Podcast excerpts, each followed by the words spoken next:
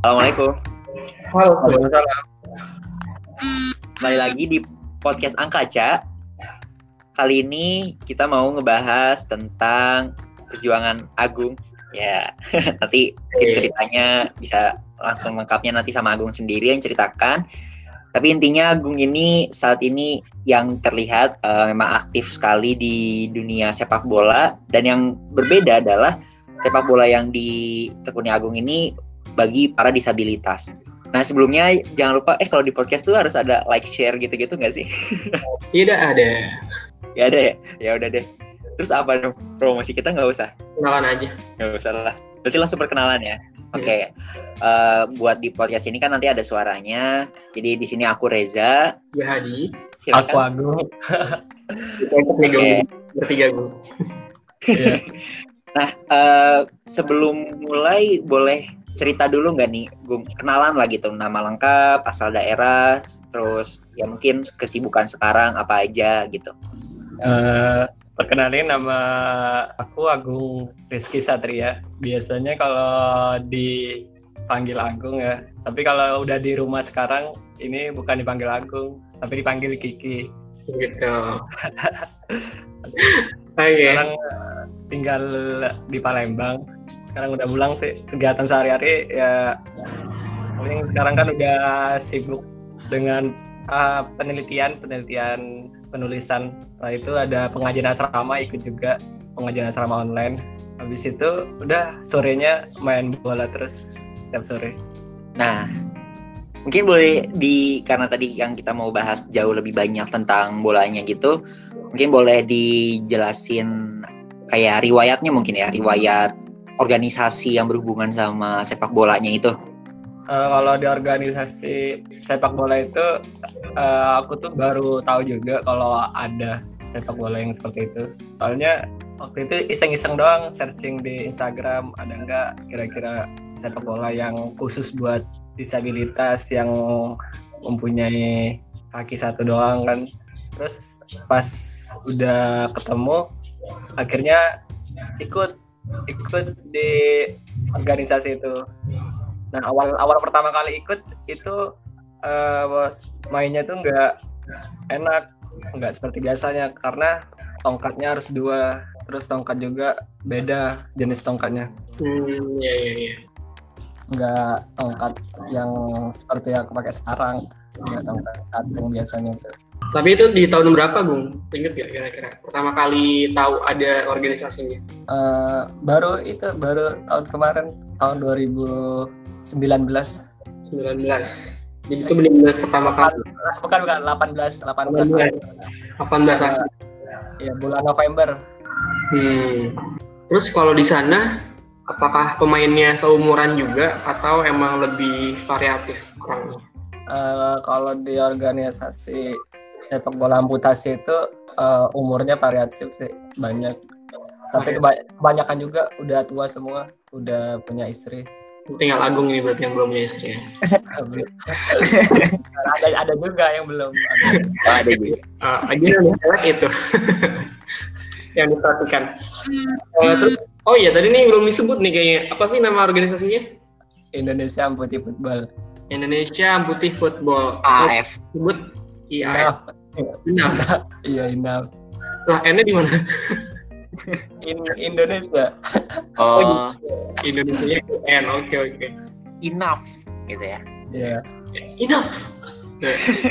Eh, mungkin agak mundur ya, tapi nanti kalau misalkan memang Agung agak keberatan menceritakan juga nggak apa-apa. Boleh cerita gitu waktu pertama kali kan ini eh, amputasi gitu ya. Jadi ceritanya di awalnya tuh seperti bagaimana Agung?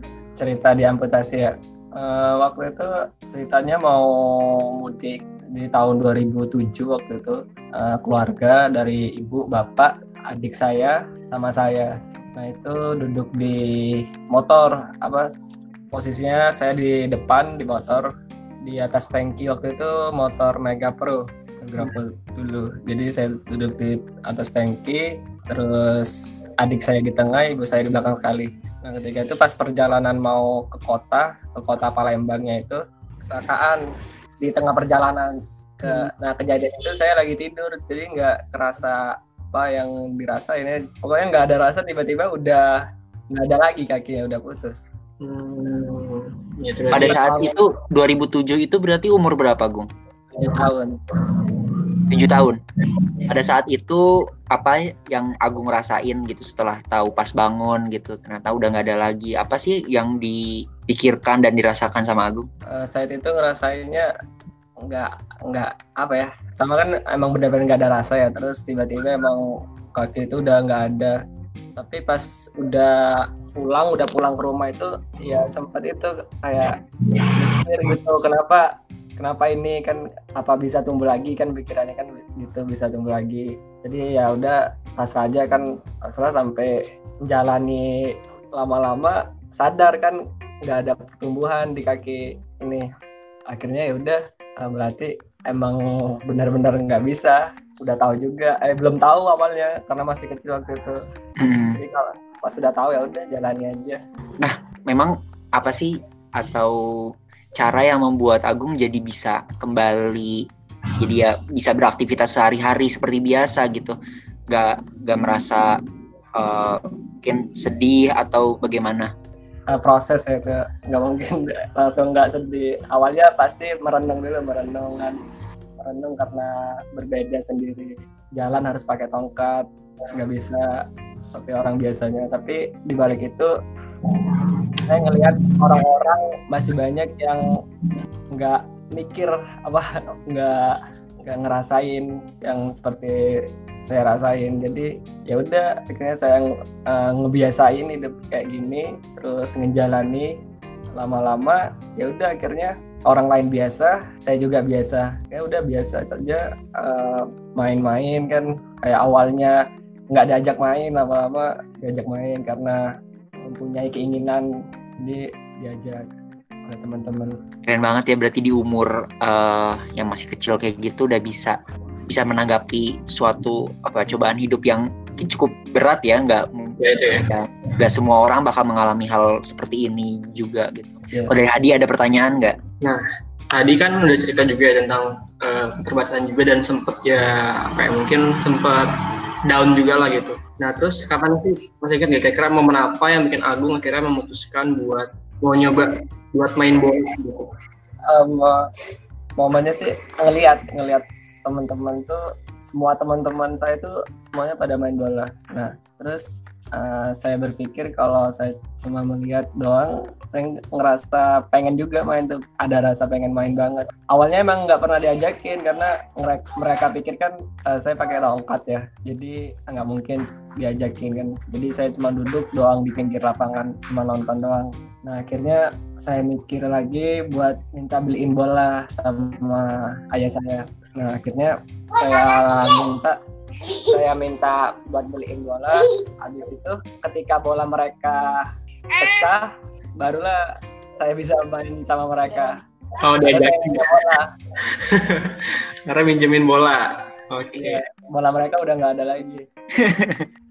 Hmm. Berarti dari itu deh, baru mulai dari situ baru akhirnya mulai rutin main bola bareng teman-teman berarti ya. Iya.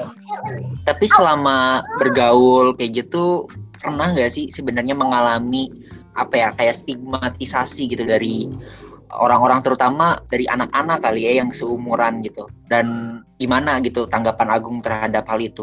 mungkin pertama kali ada ya beberapa yang memiliki stigma seperti itu tapi eh, mungkin mereka belum tahu kan awalnya gimana jadi pernah sih ngerasain kayak gitu. Tapi nggak banyak cuma beberapa orang doang. Setelah mereka udah tahu kejadian saya akhirnya udah mereka udah nggak itu lagi. Dan itu juga cuman SD doang. Pas SMP itu udah nggak ada SMA juga nggak ada. Hmm, Alhamdulillah banget ya berarti lingkungannya eh, sangat suportif gitu dan ya mendukung biar perkembangannya Agung juga jadi sesuai sama seperti anak-anak lainnya gitu ya nggak dibeda-bedakan. iya saya juga inginnya juga gitu Hmm, Kalau mungkin eh, hikmah terbesar kali ya yang Agung bisa petik dari mulai dulu sampai sekarang terkait dengan kondisi Agung yang kayak gini tuh apa Gung? mungkin dari kecil ya setiap mau ngapa-ngapain harus pakai tongkat gitu pakai tongkat kayak merasa perjalanan mulai dari awal sampai sekarang mungkin banyak yang harus dijalani seperti uh, harus ngelewatin apa orang-orang banyak harus menahan rasa malu karena berbeda kan. Karena di sini di sini aja di daerah saya itu nggak ada orang yang seperti saya jadi saya ngerasa tuh saya tuh paling beda sendiri. Nah tapi setelah saya udah di Jakarta itu saya udah nggak memikirkan itu lagi. Jadi apa pun yang orang lain lihat saya nggak peduli. Intinya saya bisa ngelakuin ini dengan cara saya sendiri. Nah, akhirnya saya bisa memutuskan buat berjalan sampai sekarang. Kalau misalnya putus asa ya tujuan ingat lagi tujuan awalnya. Jangan sampai uh, saya berhenti di sini. Karena percuma dong uh, dari awal saya udah berjuang sampai sekarang. Kalau kalau sekarang bisa nggak nggak bisa berjuang. Iya setuju banget sih. Karena uh, aku juga ini kan kenal sama Agung uh, di dunia nyata ya maksudnya dalam sehari harinya gitu. Dan memang Agung ini ya keren banget gitu bisa bisa sebenarnya nggak menjadi penghambat gitu gitu. Jadi keadaannya tuh nggak jadi gak suka jadi excuse-nya dia gitu alasan karena inilah kenapa lah tapi justru itu jadi motivasi juga gitu. Bahkan buat orang-orang kayak misalkan nih Agung jago main bola aku sendiri nggak. Dengan keadaan-keadaan seperti itu. Di Hadi ada lagi? Iya sih, dan ini juga mungkin buat nggak tahu ya, maksudnya uh, Agung pun ketika dibandingkan dengan beberapa teman-teman yang main futsal atau main bola emang lebih jago gitu, walaupun dengan keterbatasan itu. Kalau itu pernah pernah main juga gitu, pernah main bareng dan emang bisa dibilang uh, malah normal-normal aja sih gitu dari cara pemainannya gitu ya. Dan kita ya, aja nggak sih dia cukup. Uh, akhirnya jadi ini juga kan, itu benar jadi atlet gitu. Dan juga uh, maksudnya dari kehidupan sehari-hari nggak nggak kelihatan sih kayak misalnya lagi iya. atau malu-malu kayak cewek sama cewek sama cewek sangat percaya diri sih kalau dari apa yang gue lihat juga sehari-hari. Nah, mungkin tadi kita udah bahas perihal sejarah-sejarah ya ke belakang. Sekarang kita coba tanya-tanya lagi yang udah dijalanin di kegiatan asosiasinya. Nah, kan tadi cerita udah kira sempat bergabung juga, terus akhirnya apa sih yang bikin Agung uh, benar-benar berusaha buat fokus di atas waktu. Ini di juga ya kalau nggak salah ya. Kalau apa sih yang akhirnya bikin Agung memutuskan buat uh, fokus sama namanya sepak bola dia apa di asosiasi tadi? Iya karena uh, dari SD itu udah hobi banget walaupun kayak ngerasa bermain sepak bola itu cuma buat main-main doang kan kayak buat apa main bola kan sempet mikir kayak gitu buat apa main bola sedangkan di pertandingan resminya aja nggak mungkin saya ikut. Karena uh, saya berbeda kan. Paling kalau permainan resmi saya nggak bisa ikut cuma bisa nonton doang. Nah akhirnya sampai sekarang ma tetap main terus itu karena hobi doang. Nah setelah saya udah tahu ada organisasinya pas di Jakarta barulah saya memutuskan untuk memutuskan fokus di sepak bola. Karena saya udah bisa bermain juga udah ada skill lah. Udah ada fisik juga lumayan kuat. Jadi tinggal oke oke. Habis ini nanti Agung ngebling langsung pindah tempat. Kita di udah udah apa ulang ulang ya ya nggak apa-apa nggak apa-apa. Ya uh, mulai dari awal mungkin iya yeah, pindahkan kan uh, awalnya udah udah main bola dari kecil ya udah dari kelas 4 SD mungkin karena kecelakaan udah kelas 2 terus udah kelas 4 SD itu udah ngeliat teman-teman main bola akhirnya gabung bisa main. Yang awalnya cuma kiper doang kan nggak bisa nendang. Tapi lama-lama uh, belajar belajar sendiri kan karena punya bola sendiri belajar. Di dekat rumah belajar sendiri. Uh, ketika main ya udah belajar juga. Akhirnya lama-lama bisa terus hobi menjadikan bisa nendang bisa ngegolin itu yang senang banget tuh. Apa tuh momen gol pertama yang masih ingat gak? ya gol pertama tuh ya karena uh, saya tuh nunggu nunggu di depan terus kadang kan. Jadi nunggu bola operan datang langsung tendang ke gawang itu disebutnya nyampah nggak sih enggak ya ya itu kayak striker tunggal lah Tapi sekarang udah enggak sih, udah udah enggak sekarang udah emang bisa bener-bener dribble usaha. sendiri gitu Iya, ya Usaha dari bawah sendiri sampai ke depan itu. Udah, dari gawang ke gawang udah bisa bawa sendiri iya. Lewat Hmm. semua juga. Wih.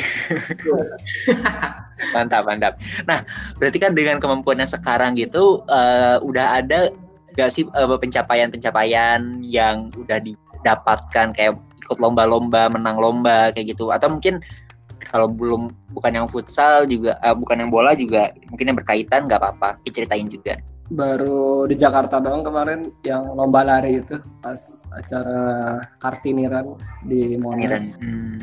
Itu jadi lomba lari antar disabilitas juga, semuanya dis- disabilitas. Itu Hmm. campur ada yang pakai tongkat, ada yang pakai kursi roda. Jadi saat saat lomba itu eh, kejadiannya teman-teman saya itu udah pada di depan kan.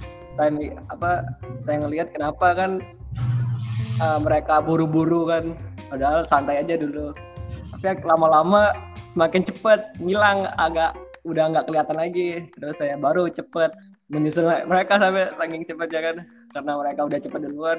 Jadi saya termotivasi juga kan jadi lebih cepat lagi. Sampai finish udah baru bisa nyicil mereka akhirnya bisa menang. Kalau untuk lomba sepak sepak bolanya yang ter apa ya, yang paling dekat kapan ya? waktu tahun kemarin Kak, untuk yang akan datang apa udah lewat Kalau yang akan datang?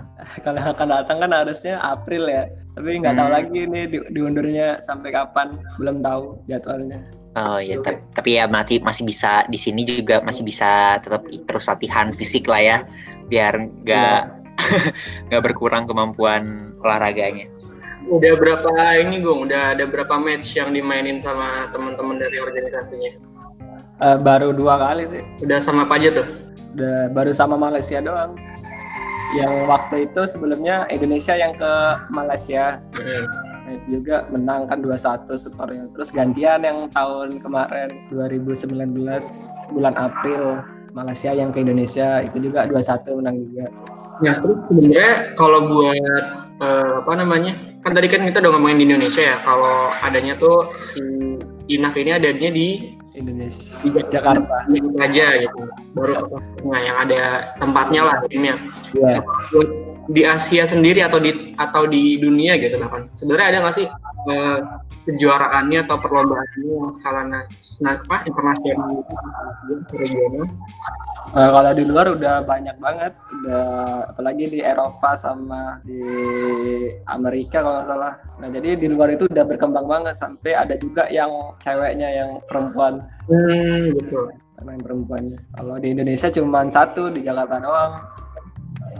Jadi harapannya eh, masyarakat apa di daerah lain tuh tahu lah kalau ada sepak bola amputasi kan. Jadi harapannya juga setiap provinsi itu mempunyai timnya masing-masing. Mudah-mudahan nanti eh, pertandingan selanjutnya yang akan datang yang nggak tahu kapan nanti bisa juara lagi ya. Ya, amin. Jadi eh, untuk pertandingan yang akan datang itu rencananya ada enam negara di Asia. Apa aja tuh? Bisa disebutin nggak? Eh, pertama Indonesia, Hah? India, Iran, terus Malaysia. Ya. Berhasil, berhasil. Lagi ujian.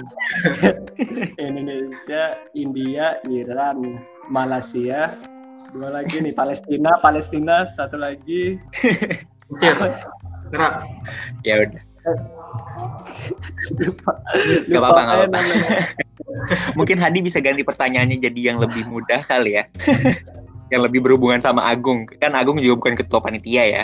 Jadi ya macam ada pertanyaan lagi Hadi? Udah deh itu dulu tadi. Ini ada Reza sekarang gantian. Kayak mungkin soal terakhir di sesi satu ini aja kali ya.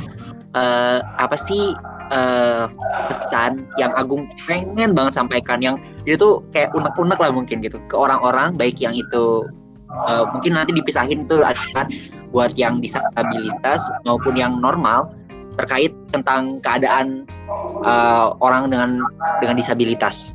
Ada dua ya. Berarti Ah, buat buat Eh, yang biasa pesan buat yang disable sama yang buat orang-orang normal. ya buat orang-orang yang non disabilitas eh, mungkin harapannya tetap berjuang lah tetap berusaha dengan keadaan mereka terus kayak saya ngelihat di sini aja orang-orang di sini sama yang disabilitas itu emang benar-benar beda. Kadang orang yang non disabilitas itu dia bisa ngapa-ngapain tapi dia males kadang terus maunya yang enak yang instan. Nah, tapi giliran disuruh kerja atau disuruh berbuat sesuatu yang baik itu susah. Karena mereka pikir buat apa ngelakuin itu? Sedangkan orang lain banyak. Kan mereka tuh mikirnya masih ada orang lain. Padahal mereka mampu untuk ngelakuin itu. Jadi saya harap ya semuanya bisa lah sama-sama untuk bisa ngelakuin sesuatu yang bermanfaat. Terus yang buat disabilitas juga uh, mungkin ada beberapa yang ngeluh terus dengan keadaan dia. Ada juga yang males tetap males atau mau segala sesuatu tuh dia minta bantuan orang lain.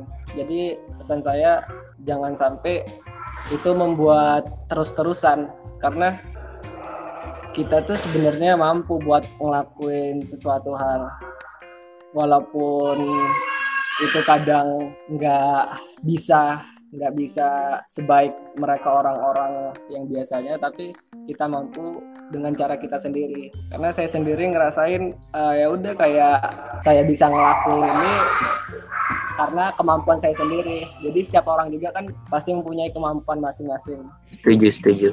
Iya uh, tadi bagus banget pesannya. Apalagi tadi yang pas kalimat pertama sebenarnya yang jadi uh, apa ya mengingatkan ke aku juga gitu. Tadi uh, aku kan bilangnya ke sampaikan ke orang-orang yang normal tapi diganti sama Agung jadi non disabilitas karena emang sebenarnya bukan berarti disabilitas itu kan nggak normal ya. Jadi mohon maaf juga tadi sebelumnya bilangnya malah jadi akan-akan nggak normal gitu. Tapi emang jadi bagus sih buat mengedukasi ke yang lainnya juga gitu buat nyebutinnya itu ya non non disabilitas aja gitu kan. Karena emang kita semua juga manusia gitu kan. Gitu oke mungkin sesi satu uh, sampai sini. Nanti kita lanjut ke sesi dua